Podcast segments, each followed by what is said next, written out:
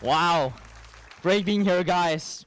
So, the story we're going to talk about today it's actually happening in 1949 and this teenager was into the local library and we're now in omaha nebraska and uh, he picks up this book and what he didn't know was that this book was going to change not just his life but so many other lives in the years to come he really took the book, rose it to fame, and it has sold more than a million copies already.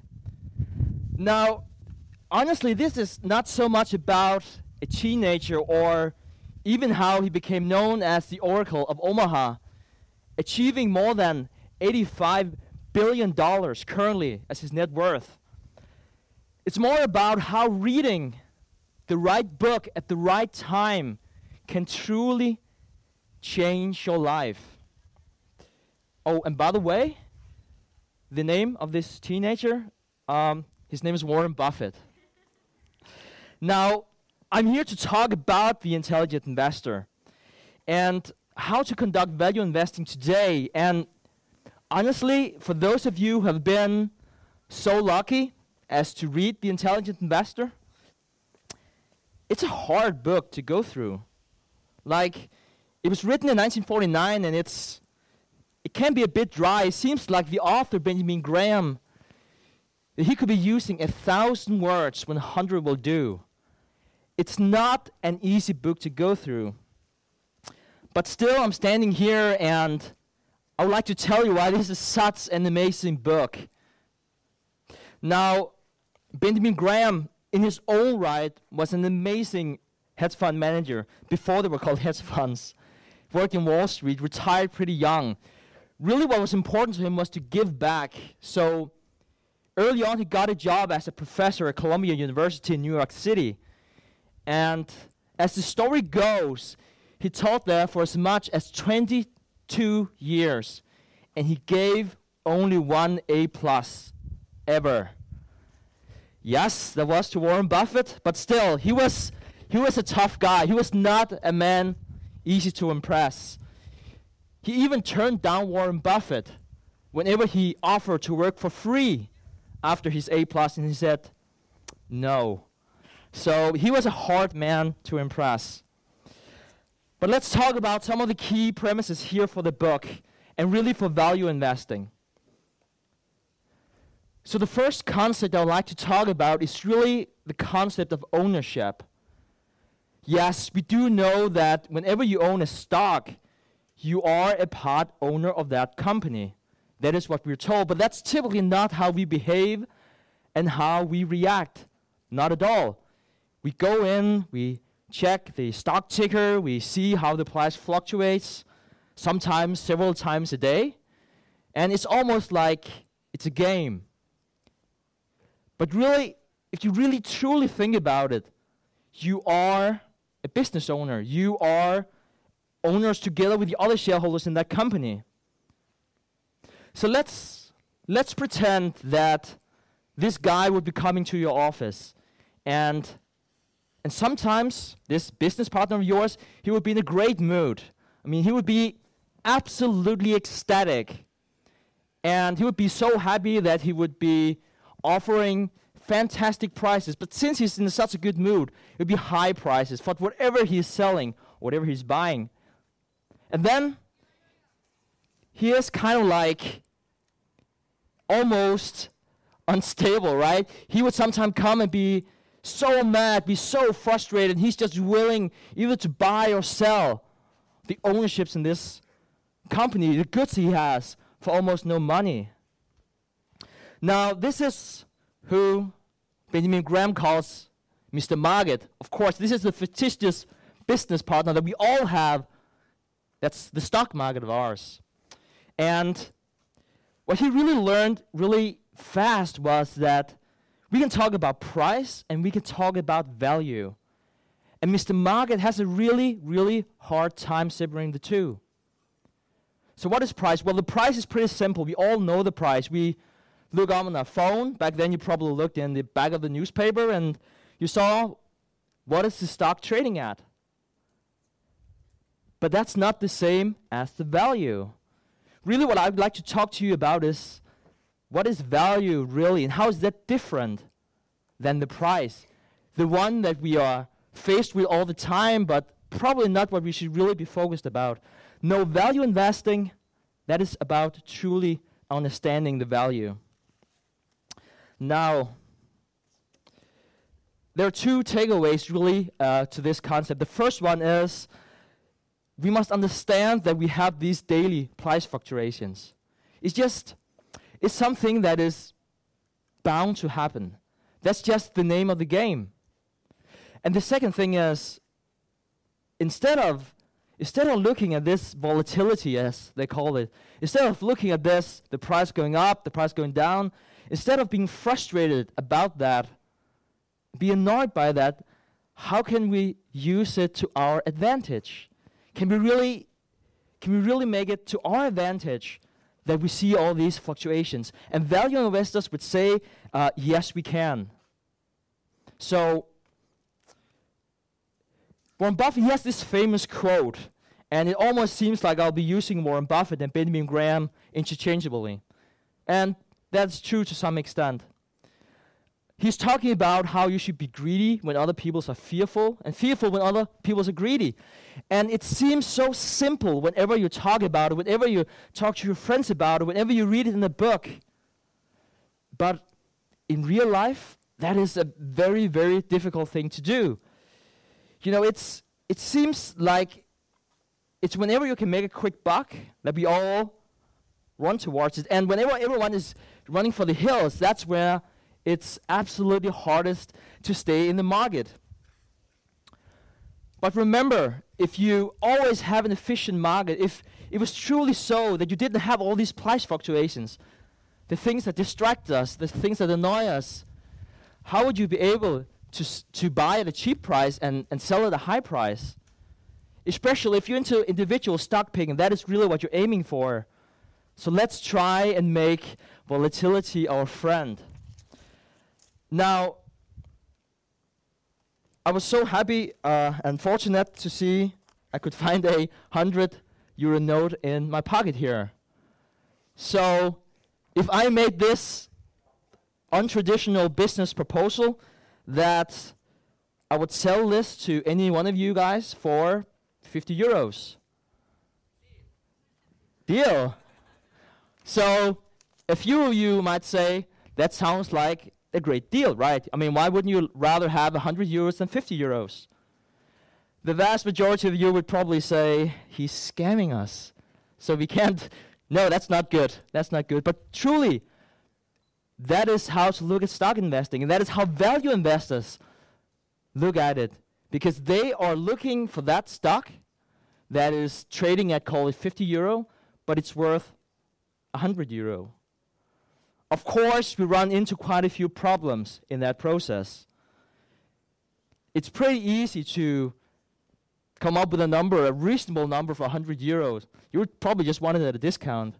It's very, very difficult in the stock market, right? It's very difficult. It doesn't say anywhere what the true value, what the true value truly is.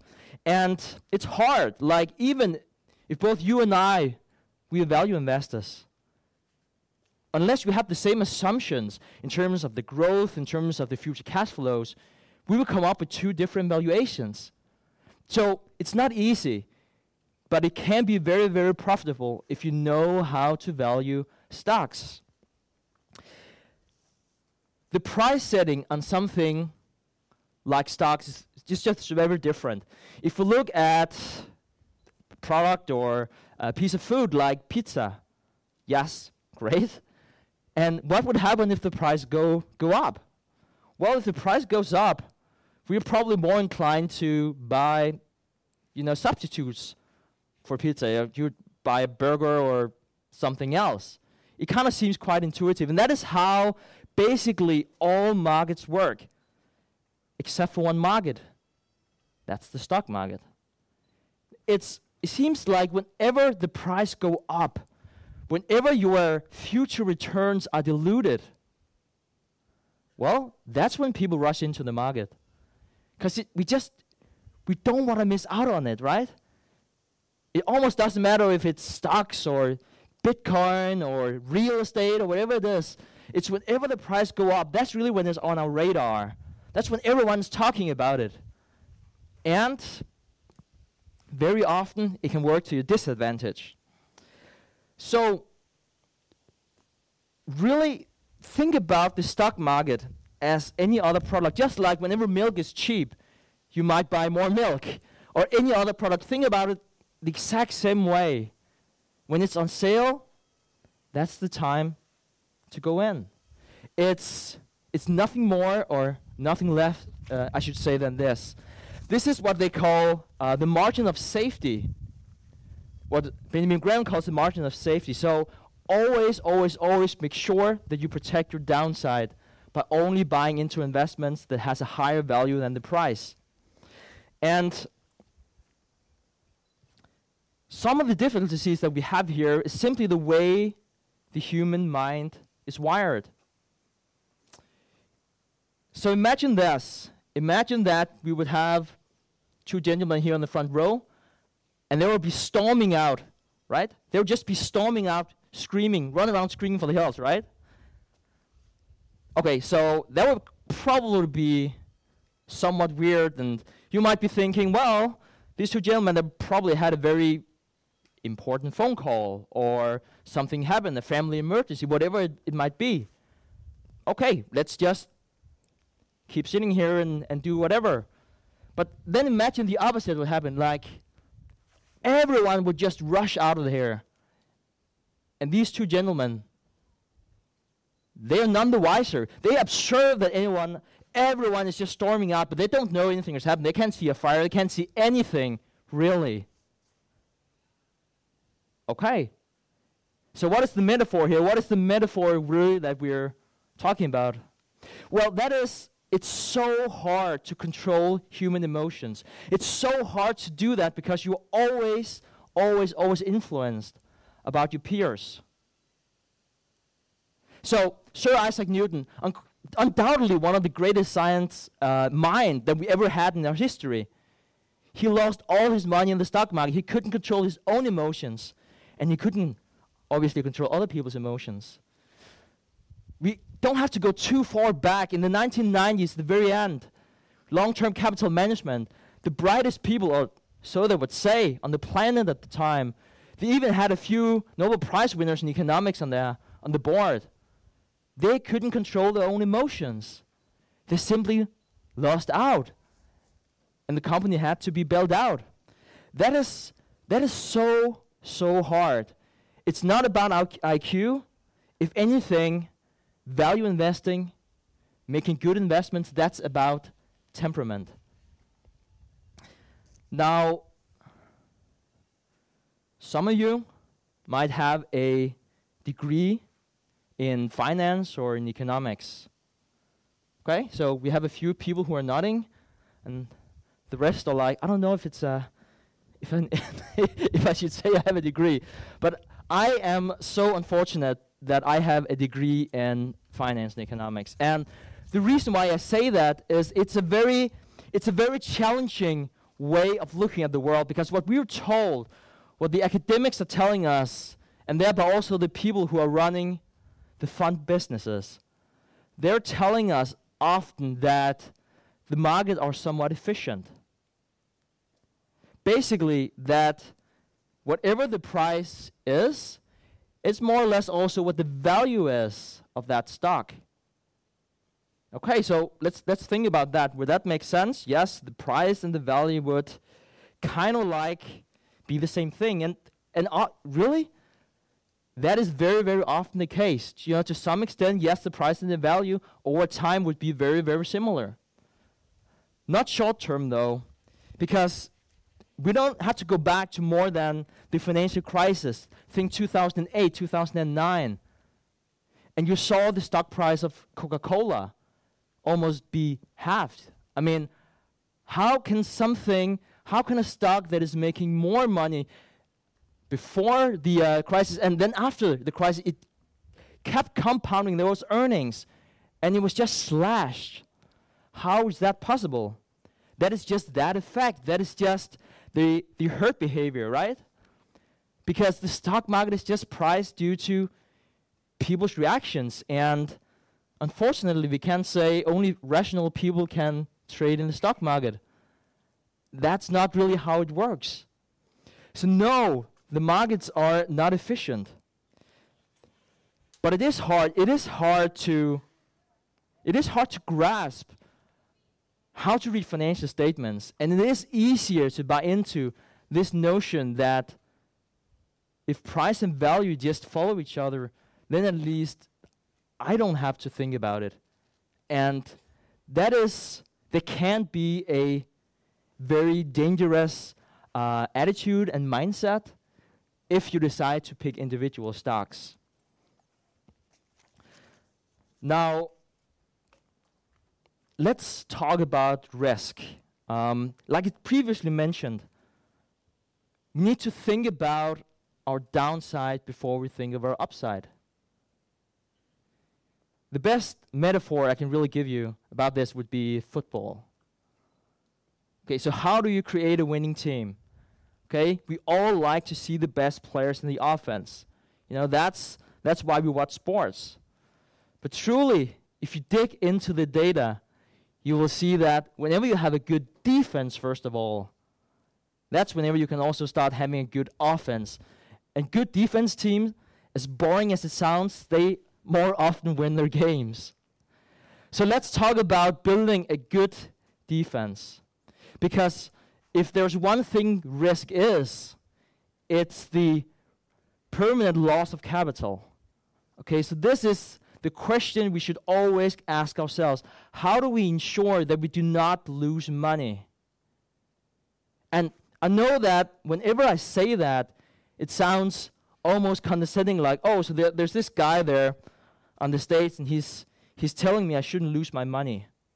Like, what? What? what is he talking about? But think about it like this whenever you speak to your friends, whenever you're around your peers, what is it that you hear?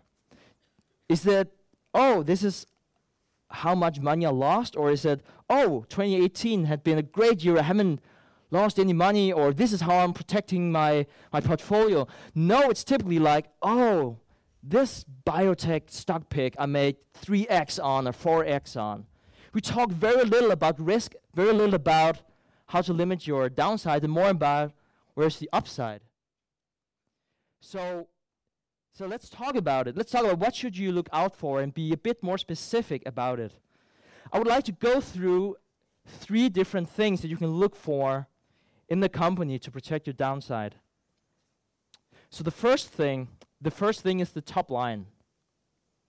So you will look at the financial statements, and you don't necessarily have to pull them from the website.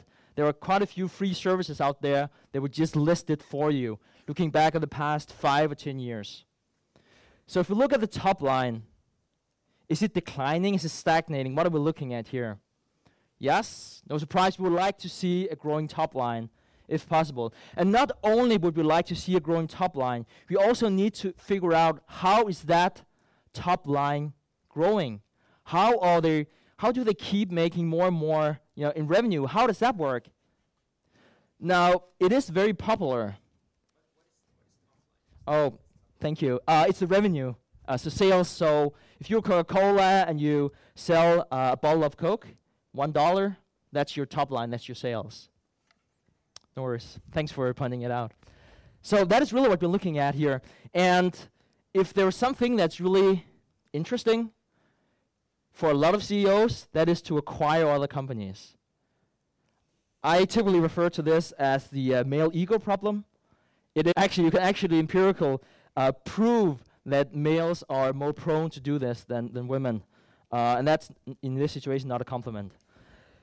They tend to buy more companies or merge more. You know, it's, it's great. It feels powerful. It feels awesome buying new companies and growing your top line. But whenever you do that, if you look at it, it's typically not what truly works it truly doesn't work just to have an acquisition strategy grow that way. You would need to have a product or a service that is so sustainable that you can grow your, your sales. That's really the first thing uh, I would be looking for. The second thing would be declining margins. So whenever we talk about declining margins, it might be gross margin, operating margin, net profit margin. It's basically that is different ways of looking at the profitability of that company, depending on where you are in your income statement. So let me give you an example of this. Um, if you look at a company and you see a growing top line, growing sales, but they're making less and less money, it implies one thing. It implies that the margins are squeezed. So it might be because they cannot no longer charge the same prices. It might be because they are giving heavy discounts. It might be because they do not have a strong negotiation power in terms of securing the, uh, the inputs for the production as cheaply as they could in the past. That is typically a red flag for you guys. It's typically what we, as value investors, do not want to see. A very recent example would be how retail are just seeing shrinking margins because of Amazon. Yes, they might still be selling the goods, but they're making less and less money out of it. The third thing, and perhaps the biggest red flag to look out for, that would be debt. A company with a lot of debt is clearly a red flag. And just to give you a rule of thumb in terms of what is a lot of debt, it would typically be what they call coverage ratio less than 5 or 10. A, a coverage ratio is simply a way of saying, with a normal business, how much money are we making and can we pay back our interest expenses at least 5 to 10 times? So, whenever you are looking into these companies, always question yourself whenever you're looking at protecting your downside can I or can this company pay back the interest expenses five, ten, or more times? That's really what you should be looking out for. So that was three pointers to this. Now let's talk about another example. Let's talk about Tesla. Okay, so Tesla, amazing company, amazing founder, right? Founded PayPal or co-founded PayPal, and then he used the proceeds to invest in SpaceX, building rockets. Pretty awesome. And truly disrupted the car industry as well. I mean, this is this is an amazing story. Now, the value investors would, would then say, well, let's put a pen in Tesla. Let's let's think about something else let's uh, let's make a business proposal. Okay, so the new business proposal here, the second of the of today here, would be would any one of you into this business proposal with me where you would start out by giving me 50 euros. And in return, I promise to come back, haunt you every single year, and ask for two euros more. No. Why? What is he rambling about here? Like, that doesn't make any sense, right? Why would you pay money up front to lose money? Okay, so let's go back to Tesla. And I don't want to bash Tesla too much. I think it's an amazing company. But basically, if you look at the valuation of Tesla, the market cap is around 50 billion US dollars. And they're losing $2 billion a year. You can actually see that for the past 10 years, you know, they keep compounding their losses interestingly enough, the stock price keep going up. Now, I'm not the one to say that Tesla is a bad company. I'm not the one to say that you can't make a lot of money investing in a company that does not make a profit. I mean, the first guy who invested in Facebook, when it made no money, he probably made, you know, a fortune. That's not what I'm saying at all. What I'm saying is, as a value investor, you would say, what if nothing happened? What if truly nothing happened? What if what if this biotech company, whatever it is, didn't get a, an approval?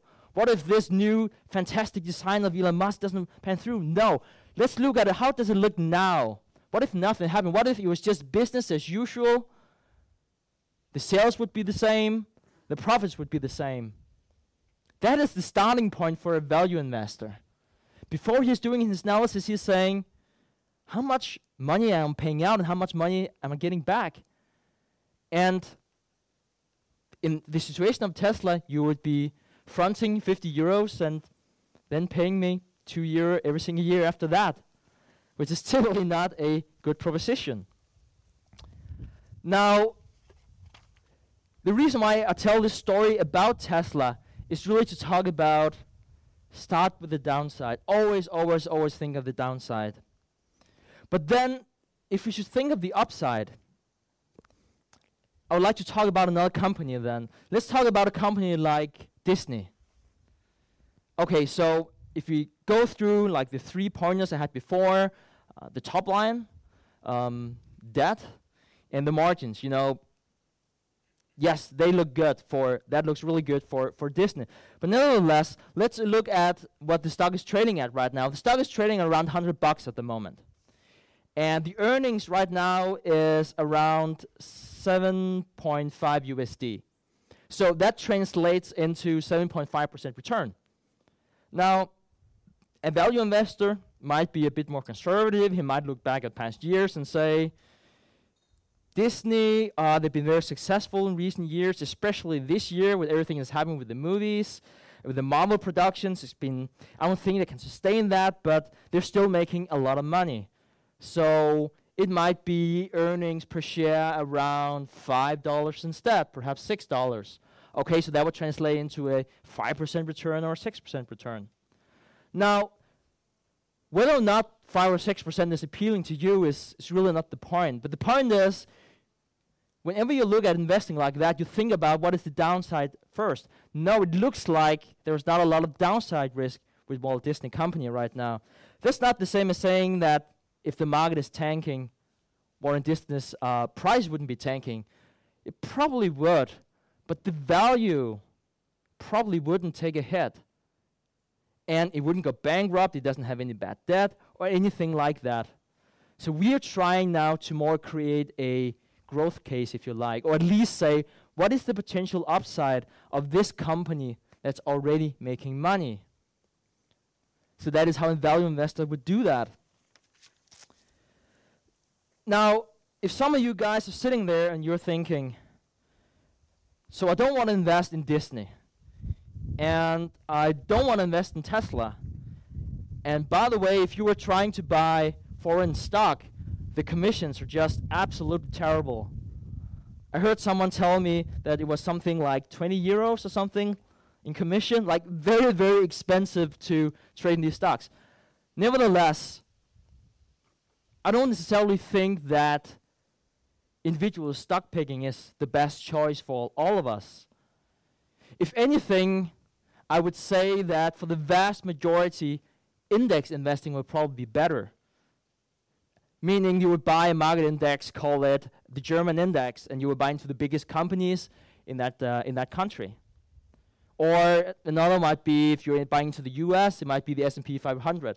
So you would be buying 500 stocks in this situation in the US, and you would basically be buying, you know, the good companies, but also the bad companies. So companies that make a ton of money, and also companies that are overloaded with debt, and some might go bankrupt, and we don't know.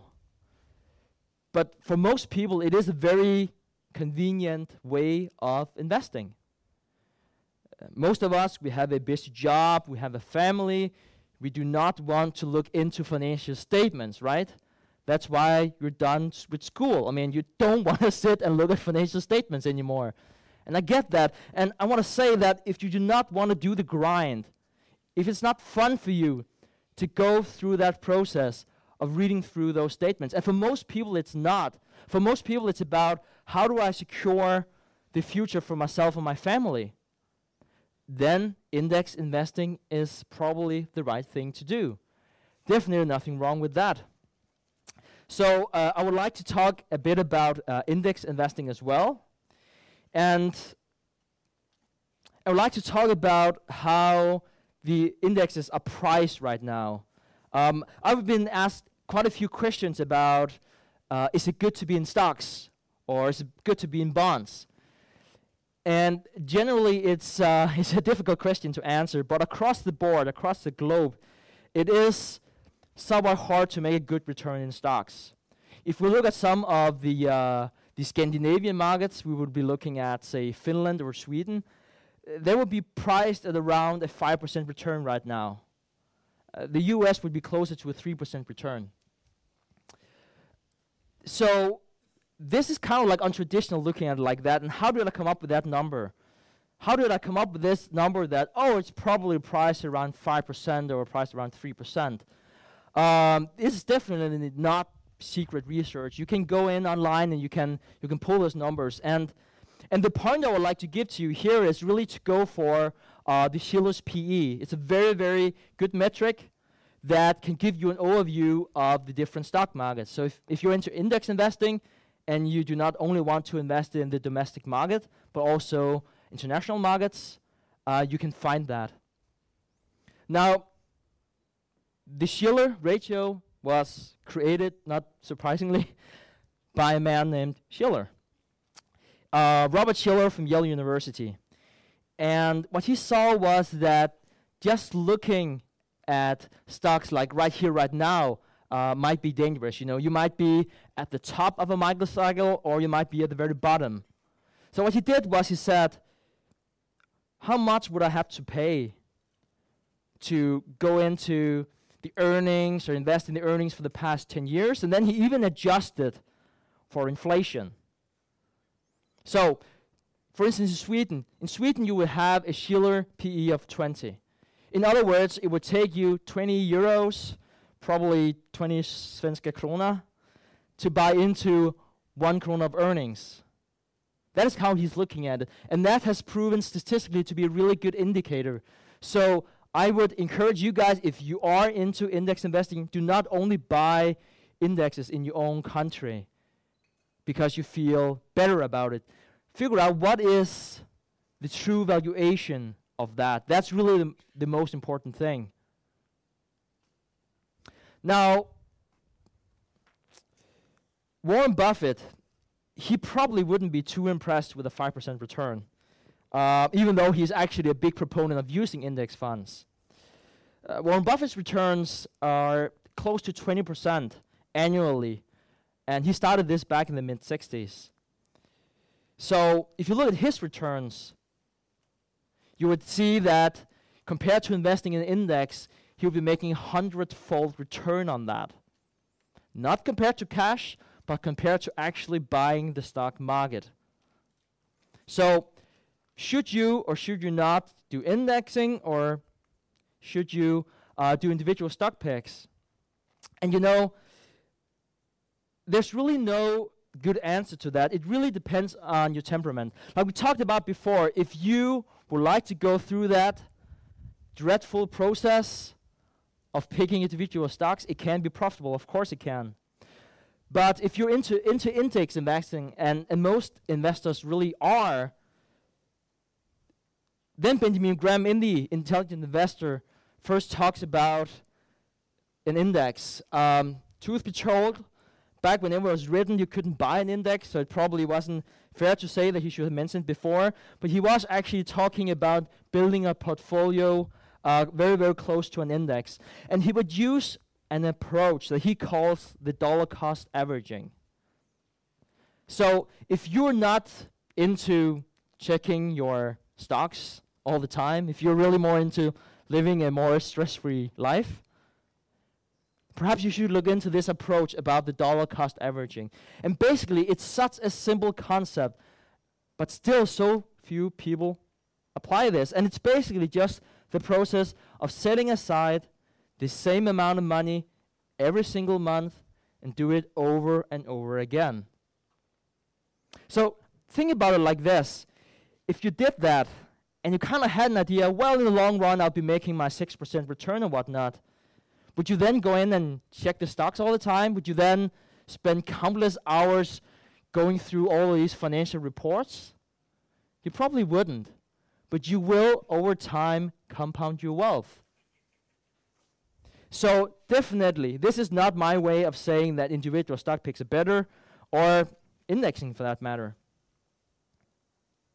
So let's talk about some of the advantages and disadvantages. One of the reasons why you might want to consider investing in individual stock picks still would really be that you have this full control, you know?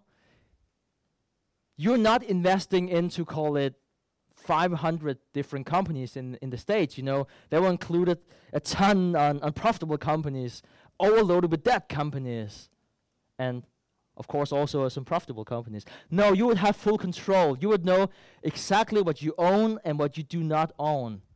And for good reason, a lot of investors really like that. Well, another thing, and this might be something that's a bit underappreciated, is really that it has great spillover effects. And what I mean about spillover effects is really that you learn to think like an owner. You learn to think like an owner be because before you can pick individual stocks, you need to understand that company and how it works. And it's not only useful if you are looking at your own company. If you start your own company, it might be also the company that you work in or the company you want to start one day. You get a lot of free first-hand education for the time you spend analyzing stocks. People tend to become better businessmen and women whenever they become better investors and vice versa. And then of course, then of course we have the upside. We have the upside if you are the next Warren Buffett or if you can just beat the market. Because clearly, if you can beat the market, yes, then you will get a higher return. You're probably not going to make 20% a year investing in the stock market just in general. But of course, you can get higher returns if you pick individual stocks. Now, then on the other hand, why should you do index funds? Well, as glamorous as it sounds, making 20% a year, as cool as it would be to be the next Warren Buffett, well, there's still only one Warren Buffett. So we might not want to stack the, the day against us. It might be realistic about our own time and our own dedication really to the project. And we might say, okay, I understand the underlying reasons why index investing is profitable. It's basically you buy into a share of the biggest companies. These companies are already proven to make money, or at least for most of them, otherwise they wouldn't be in the index in the first place. Historically, it's calling, say, 6 7%. It might be slightly more, slightly less, but that is the type of return that we expect if you invest in decades and decades and decades. Okay, so that might be what you decide to do, and in that case, index investing is truly not that bad. But honestly, I think the best thing about index investing is how you emit too much stress. It is very, very stressful to be active in the markets. And index investing, index investing really optimizes, let's not call it your absolute stock returns, let's rather call it your stress adjusted returns. And honestly, guys, if you can't sleep at night because you have overinvested or underinvested, whatever it is, indexing is probably for you. Having said all that, I do hope that the key takeaway for you guys after this talk is not about, oh, so the intelligent investor is the first step towards a 20% annual return. Like, perhaps that's surprisingly, but I don't think that is really the main key takeaway here. What I really hope that you will take away from here as we're nearing the end of the talk is more how living a life can enable you to become a better investor, living a good life, but really more importantly, how becoming a better investor can allow you to live a better life. And I guess that's what it's all about.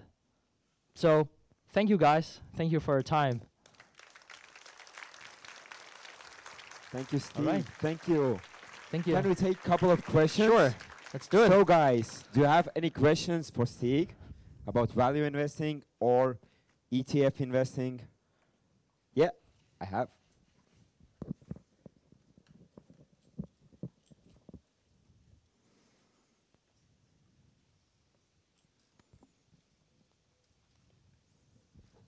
Hi. I have a question about investing like Warren Buffett.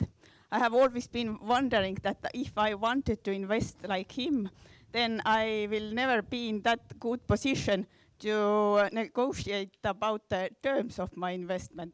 For example, the, during the last financial crisis, when uh, Goldman Sachs came to Warren Buffett asking for an investment, I would definitely never be, as a small investor, in that position to ne- negotiate the terms.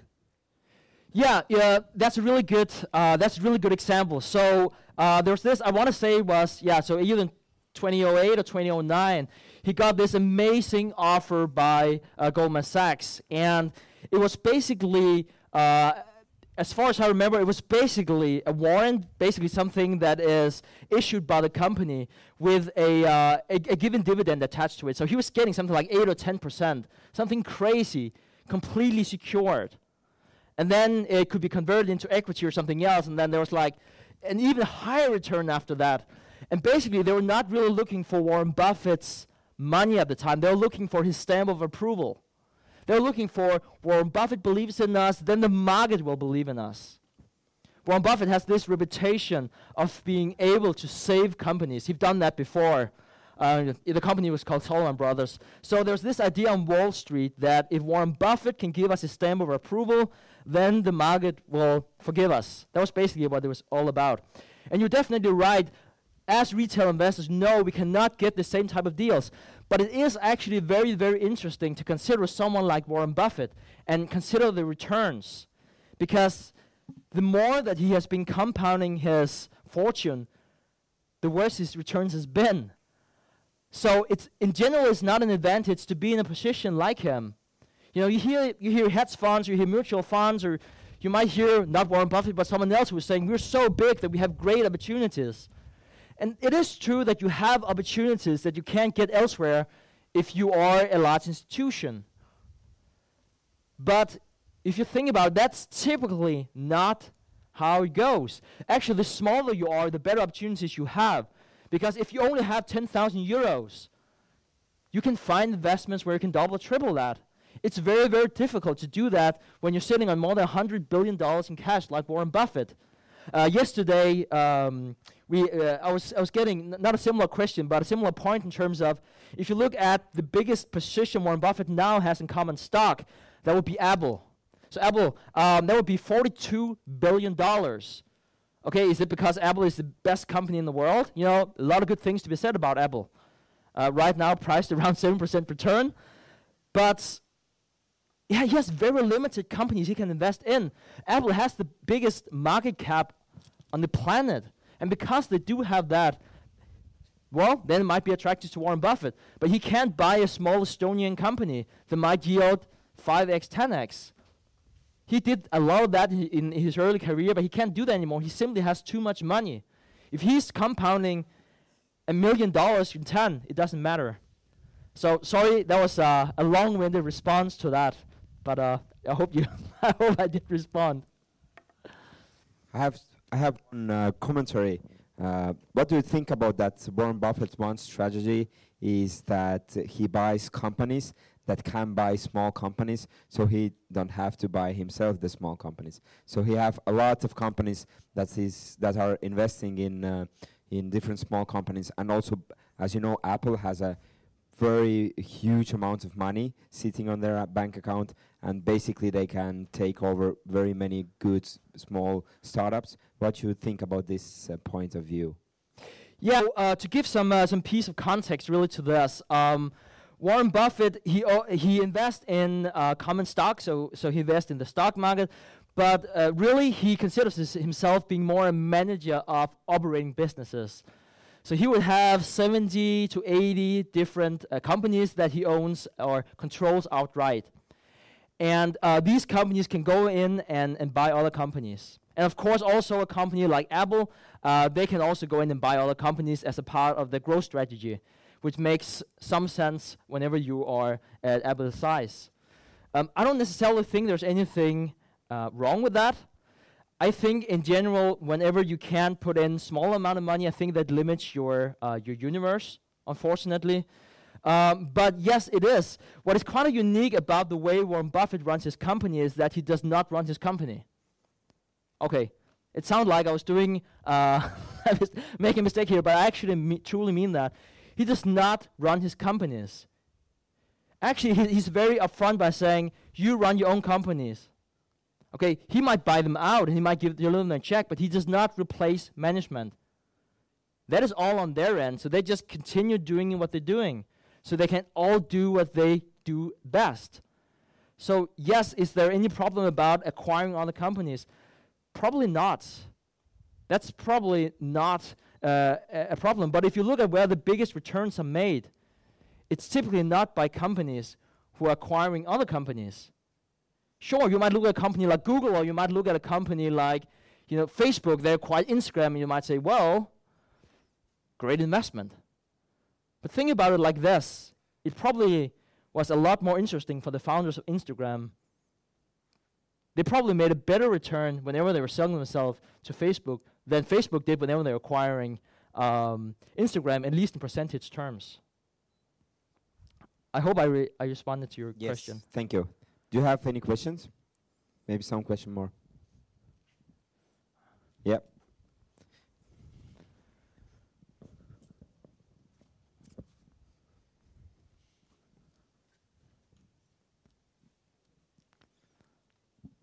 Hi. Uh, simple question. How many companies do you usually analyze before you find one that you want to invest in? And how long do you spend on those analyses usually? Oh, that's a great question. Um, the question, the answer would typically like, oh, it depends. But let me uh, let me break it down to you. Um, for instance, um, it's a good starting point not to look at a single company, but to look at an industry. So if you look at, uh, say, the airline industry, something we also talked about uh, yesterday, then you would say, okay, so we know that there are some really good uh, factors in the airline industry. Uh, we know that the cost structure is different now. We know that the margins are different now. So we're now we're looking at the airline industry. That seems to be a good industry to be in. Then the process would be, okay, so having said that, how many companies do we have? How much? How many companies would we have in our universe that really makes sense to invest in? And then you would basically compare that. And there are great services, there are great free services where you can go in and then compare across the board, say the 10 biggest airlines, the 20 biggest, uh, best airlines. Then so it would kind of like be you know funneling through that process and saying, well, I probably do not want to invest in companies that does not make a profit. And I do not want to invest in companies that has a lot of debt. So it's kind of like then at the end you might have, you know, four, five, six companies. And those are really the companies that I spend time on. Um, how many hours, how many days, how many weeks? You know, it's, uh, it's, it's really, really difficult uh, to, to, to say. Um, I wouldn't be surprised if I would spend up to 100 hours uh, on a stock pick. And, but the thing is, analyzing a stock pick, it's not only about it's not only about just starting the clock, and then you know 100 hours, then it's then it's good. And I know that was not what you're referring to either. Um, but it's more it's more like a process because whenever you're done with your analysis, whenever you have come up with what is the value of this company, American Airlines, what is the value of that company, what is the price of that company, that does not mean that it trades at a value uh, at a good price. It does not mean that the value is uh, is higher than the price. What you might come up with is, say, American Airlines, you would say, oh, okay, the price is, I don't know by heart, but say 30 bucks, and the value is, you know, 20 bucks. Okay, if that is your thesis and you're, you're correct, you still have to wait until it becomes profitable. Or it might be that your assessment of that stock changes because whenever that is on your watch list, you'll, whenever you hear something about it, whenever they send out a new annual report, then you will keep compounding the knowledge that you have on that pack.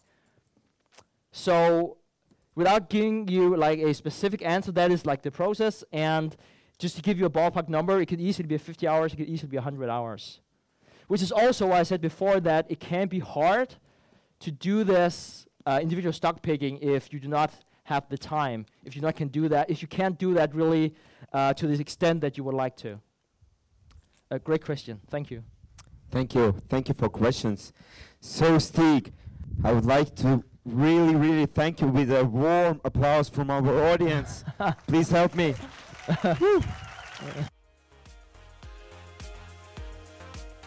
arvan, et see festival on nagu eraldi äh, teema, sest et siin on selline vabam õhkkond, et see on unikaalne võimalus leida teisi investeerimishuvilisi ja inimesi, kes õpetavad seda asja, kes võib-olla ei õpeta, aga tegutsevad äh, tihtipeale isegi palju suuremates mahtudes kui need, kes õpetavad, eks. et see on nagu selline ainulaadne võimalus vabas keskkonnas leida Eesti tegijaid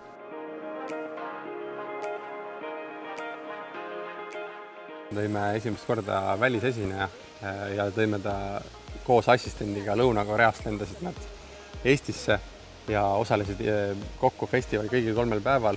välisesineja toomine Eestisse on hästi suur edasiminek äh, meile endale ja kindlasti osalejatele, kes tulid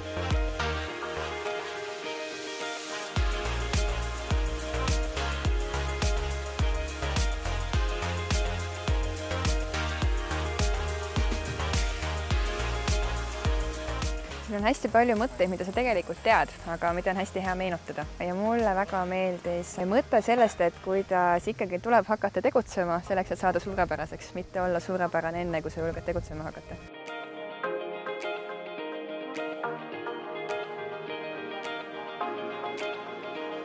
korvpall jah, tõesti oli väga lahe. Ja minu meelest see on nagu super näide sellest, mis kinnitab, et, et pane kõigepealt strateegia paika, et mida sa hakkad tegema, jää sellele kindlaks ja siis tee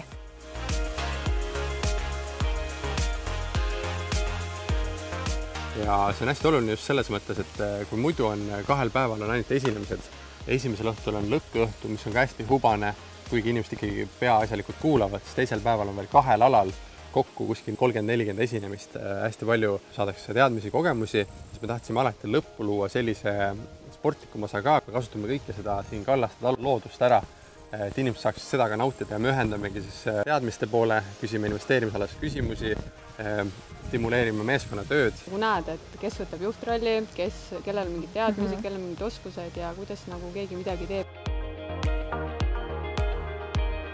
see aasta meil oli veel börs ka, kus inimesed läksid päris nagu vanasti kauplema lipikutega, et äh, sellist asja teha inimestel puhas emotsioon ja puhas mõnu